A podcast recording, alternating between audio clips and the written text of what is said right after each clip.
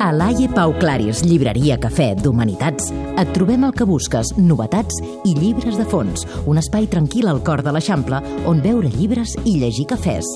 A Laie Pau Claris, llibreria cafè.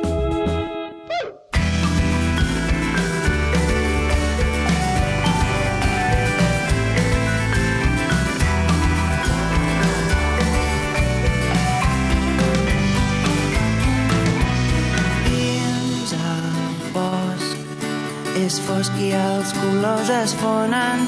Un disseny genuí res és casual fem el nostre camí. Trenca-ho I ja som, com cada setmana, a la llibreria Laie, recomanant-vos llibres amb el Lluís Morral. Bona nit. Bona nit, com I anem? sentim de fons la música del nou disc de Joan Colomo Sistema, perquè us hem d'avisar que el 14 d'abril ja tenim previst, ja tenim la data. I tant, Podem dir ja o sí, no? jo crec que sí. Festassa a la llibreria Laia, d'aquestes que fem, que ja ho sabeu que sempre convidem a, a que llegiu llibres amb nosaltres, a que escolteu els eh, protagonistes que venen a parlar-nos. Ja veureu que hi haurà sorpreses. Entre ells vindrà Joan Colomo a tocar cançons Molt bé. i nosaltres, com sempre, si hi haurà vi, menjar Sí, i aquestes coses... sorteig, eh, alguna cosa farem. Emocions, emocions. Emocions, exacte. Sempre. Doncs avui anem a parlar d'uns llibres que, vaja, acaben d'arribar a la, a la Laie i que mm, d'aquest autor, de fet, del que parlaràs ara, ja me n'havies parlat perquè t'enamora Sí. especialment d'aquest home. No, no, però és que la veritat és... No, és, sí, és, sí, val, Lluís, sí. Ho reconeix. Vinga, mea culpa. Es No, diu- és, és Edmund de Val, és un ceramista i és un senyor que bueno, fa unes ceràmiques molt minimalistes, ha fet exposicions a museus bastant importants d'Anglaterra i Alemanya i por ahí. Mhm. I era el seu segon llibre. El primer, ja, com tu has dit, ja vam parlar aquí, que és una història meravellosa, que es diu La llebre amb ulls d'ambra, publicat per Acantilado Mhm. Quaderns Crema i i Crema, que, castellà i català. I aquest, bueno, aquell era la història d'una col·lecció d'unes figures japoneses que són minis, que fan com dos centímetres, fetes amb os o amb fusta, i, i tot el periple d'aquesta col·lecció que havia passat des d'una família de jueus a Viena a finals del, o quasi a mitjans del 18, perdó, del 19, fins a passar la Segona Guerra Mundial, fins a arribar als seus, diguem-ne, propietaris actuals.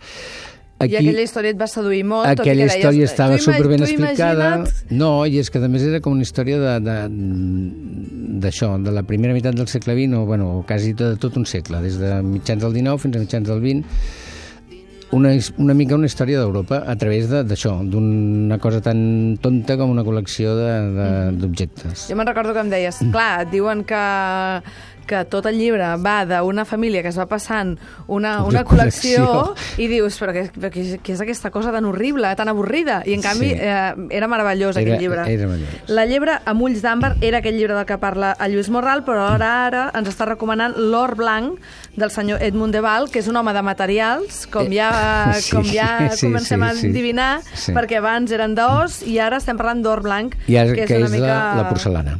Ahà. és la porcelana. Llavors ell, com a ceramista i que ha treballat la porcelana, bueno, es va s'interessa per d'on surt, de, de, de com apareix, com es crea aquesta cultura de la porcelana o aquestes coses.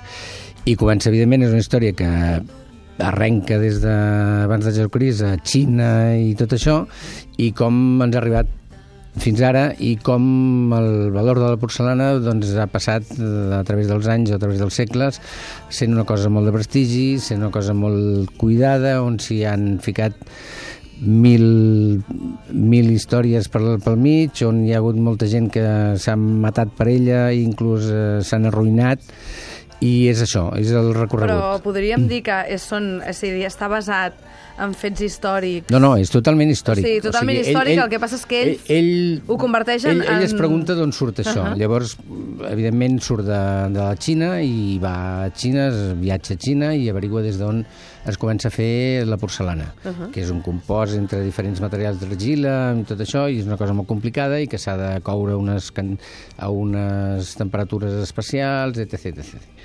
I a partir d'aquí, doncs, bueno, va resseguint la història al llarg dels anys i veu que a Xina ja era una cosa molt de prestigi, que eh, els emperadors xinesos tenien autèntiques bueno, col·leccions impressionants i tenien forns dedicats i amb cents de treballadors fent porcelanes. I, evidentment, quan els europeus aterrissen per allà i comencen a veure això, doncs mm, sorgeix aquest desig de, també de, de, de poder-ho reproduir, de poder-ho fer, i això ens trasllada a Europa a mitjans del segle XVI, por ahí, i on hi ha aquests petits regnes alemans que hi havia a l'època, doncs que, que hi havia prínceps i comtes i ducs, que tots tenien cors, que tots tenien palaus i tots volien meravellar tot el seu, la seva clientela, les altres corts, etc etc. I a partir d'aquí doncs, es, es, fa, es busca gent que pugui fer porcelana, perquè evidentment de Xina no se'n podia exportar, Uh, no podies agafar els xinesos i, I llavors portar-los són cap les aquí. grans marques, podríem dir, les grans empreses. Ui, però això ja és... I que ja han vingut cap aquí, que s'han dedicat a fer la porcellana, no?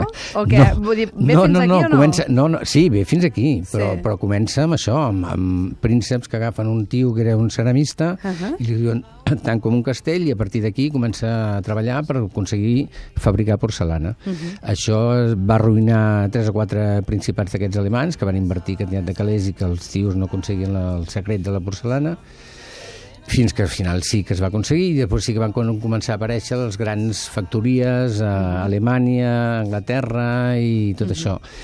Inclús es, eh, hi ha una la història, història curiosa. tràgica, podríem dir, de, La història tràgica d'aquest or blanc. D'aquest que... or blanc és que a l'època dels nazis el Himmler mateix dedicava molts dels seus Recursos i... recursos Uh -huh. i dels jueus que tenia empresonats als camps de concentració amb una fàbrica de porcelana que, que tenia botigues per, per tot el reg.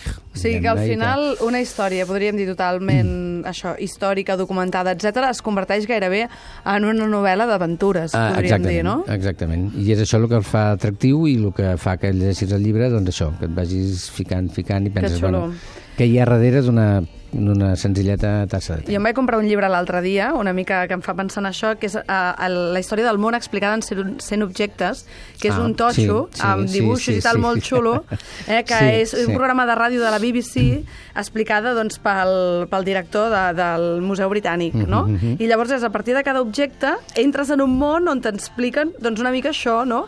El mateix, així que Eh, genial, això. Sí, genial sí, aquesta història, aquesta recomanació. L'Or Blanc, edició 62, en castellà, Seix Barral, Edmund de Val, aquest Edmund senyor amb aquest nom així com de conde, visconde Sí. de, de, de la ceràmica. No, i és un ceramista molt, molt reputat i... sí, sí, l'he que- buscat aquesta tarda per internet i, i... fa, i ha fet exposicions ja a molts puestos, no sé. Doncs ara anem a parlar d'una altra cosa absolutament diferent, eh? Totalment Avui diferent. anem antics, eh? Ara anem al vuit- en 1800 escaig, eh? Anem molt Bueno, forts. cavall avui. entre el 19 i el 20. Puedo insistir, puedo rogar,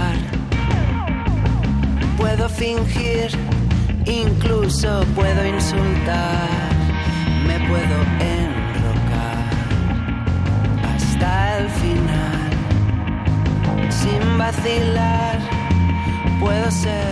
Ens encanta aquest nou disc d'en Joan Colomo. Recordem que el 14 d'abril, com som un programa una mica republicà, farem, uh, farem programa a la Laie i que en Joan Colomo estarà tocant temes en directe i que si teniu ganes d'anar-hi el que heu de començar a fer és enviar correus a cabaretelèctric.cat. Anem a recomanar un altre dels llibres que a mi ja em, em trobo una delícia el títol. Són els burgesos, són sempre els altres, que vindria a ser la culpa de tot la tenen sempre els altres. és una història Sí. de eh, Jules Renard, de l'editorial Sidilla, una editorial molt petitona, però que doncs, edita coses... Edita molt bé, edita i, molt bé i, la amb, veritat és que és un llibre molt maco. i amb traducció i selecció de textos de, de, de l'Antoni Clapés. D'Antoni Clapés.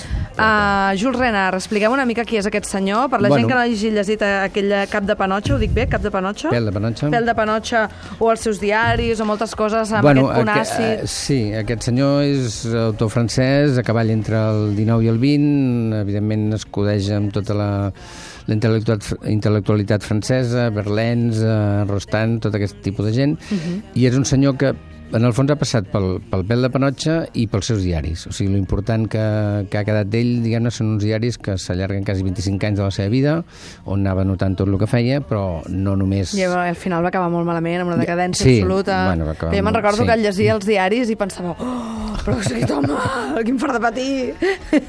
El que passa que no era ben bé, o sigui, no eren uns diaris d'aquests, avui m'he llevat i avui he menjat i avui no sé què, sinó que hi havia moltes reflexions Mhm. i molts pensaments. El que ha fet el Toni Cla- Clapés és fer una selecció que pràcticament podien ser molts són aforismes, pràcticament, Mhm. i que està ben feta i, i el llibre és una delícia perquè és petitet, es pot portar a la butxaca, és una selecció i en un dels propòsit del claper és quan fa el pròleg és dir, bueno, aviam si això anima la gent a llegir-se tot el diari. No, més, Jules Renard era un home molt savi que deixava Era- anar sí, gairebé darts sí, en lloc de sí, frases. sí. Mira, en llegeixo una a l'atzar. Diu, no tenim amics, tenim moments d'amistat. O, per exemple, la ironia és un joc d'enginy, sobretot l'humor vindria a ser un joc del cor, un joc de sensibilitat, més aviat. La gent és sorprenent, vol que ens interessem per ella, per exemple. En el sentit de l'humor, bueno, a mi, jo crec, a mi m'encanta aquest és, home. És esplèndid, a més, com ho pots obrir i llegir per qualsevol banda, perquè no, no és una cosa narrativa, uh, és, és un llibre per passar-s'ho bé i, i inclús portar la butxaca i anar obrint i llegint quatre pàgines i, i és fantàstic. Perdona, aquest m'ha No, no. encantat. Es pot canviar i continuar sent absurd. D'això en sabem molt, en aquesta casa. doncs escolta, uh, ens encanta aquest llibre, Els burgesos són sempre els altres. Sí, eh, allò maco. tret dels dietaris de Jules Renard, del, Mhm. d'això del 87 al 10, Al 10. Del, de dos segles anteriors, eh, del 1887, 19-20. del 19-20, que ara això sembla llunyíssim, eh? Sí, sí, però us sí. prometo que fins fa dos dies jo deia el segle passat. eh, Lluís, moltíssimes gràcies. A vosaltres, I i vaja, fins aviat. fins Et volem aviat. aquí la setmana que ve. 14 d'abril, eh, amics? 14 d'abril Apunteu-vos. Cabaret elèctric, eh, llibres, vi, sempre n'hi ha, eh? No ens falla mai, I que hi hagi veure, i vindrà el Colomó a cantar. Això és el, de moment el que us podem dir, ja veurem, hi haurà més coses. Bona Adéu, nit. bona nit. Així, què em recomanes? Mira, jo crec que t'hi has de llançar i provar alguna cosa nova. Posa una mica de passió a la teva vida. Fes un viatge, viu una aventura. Va, vinga, fem un cafè? A Laia Pau Claris, llibreria, cafè, hi trobaràs totes les històries que busques.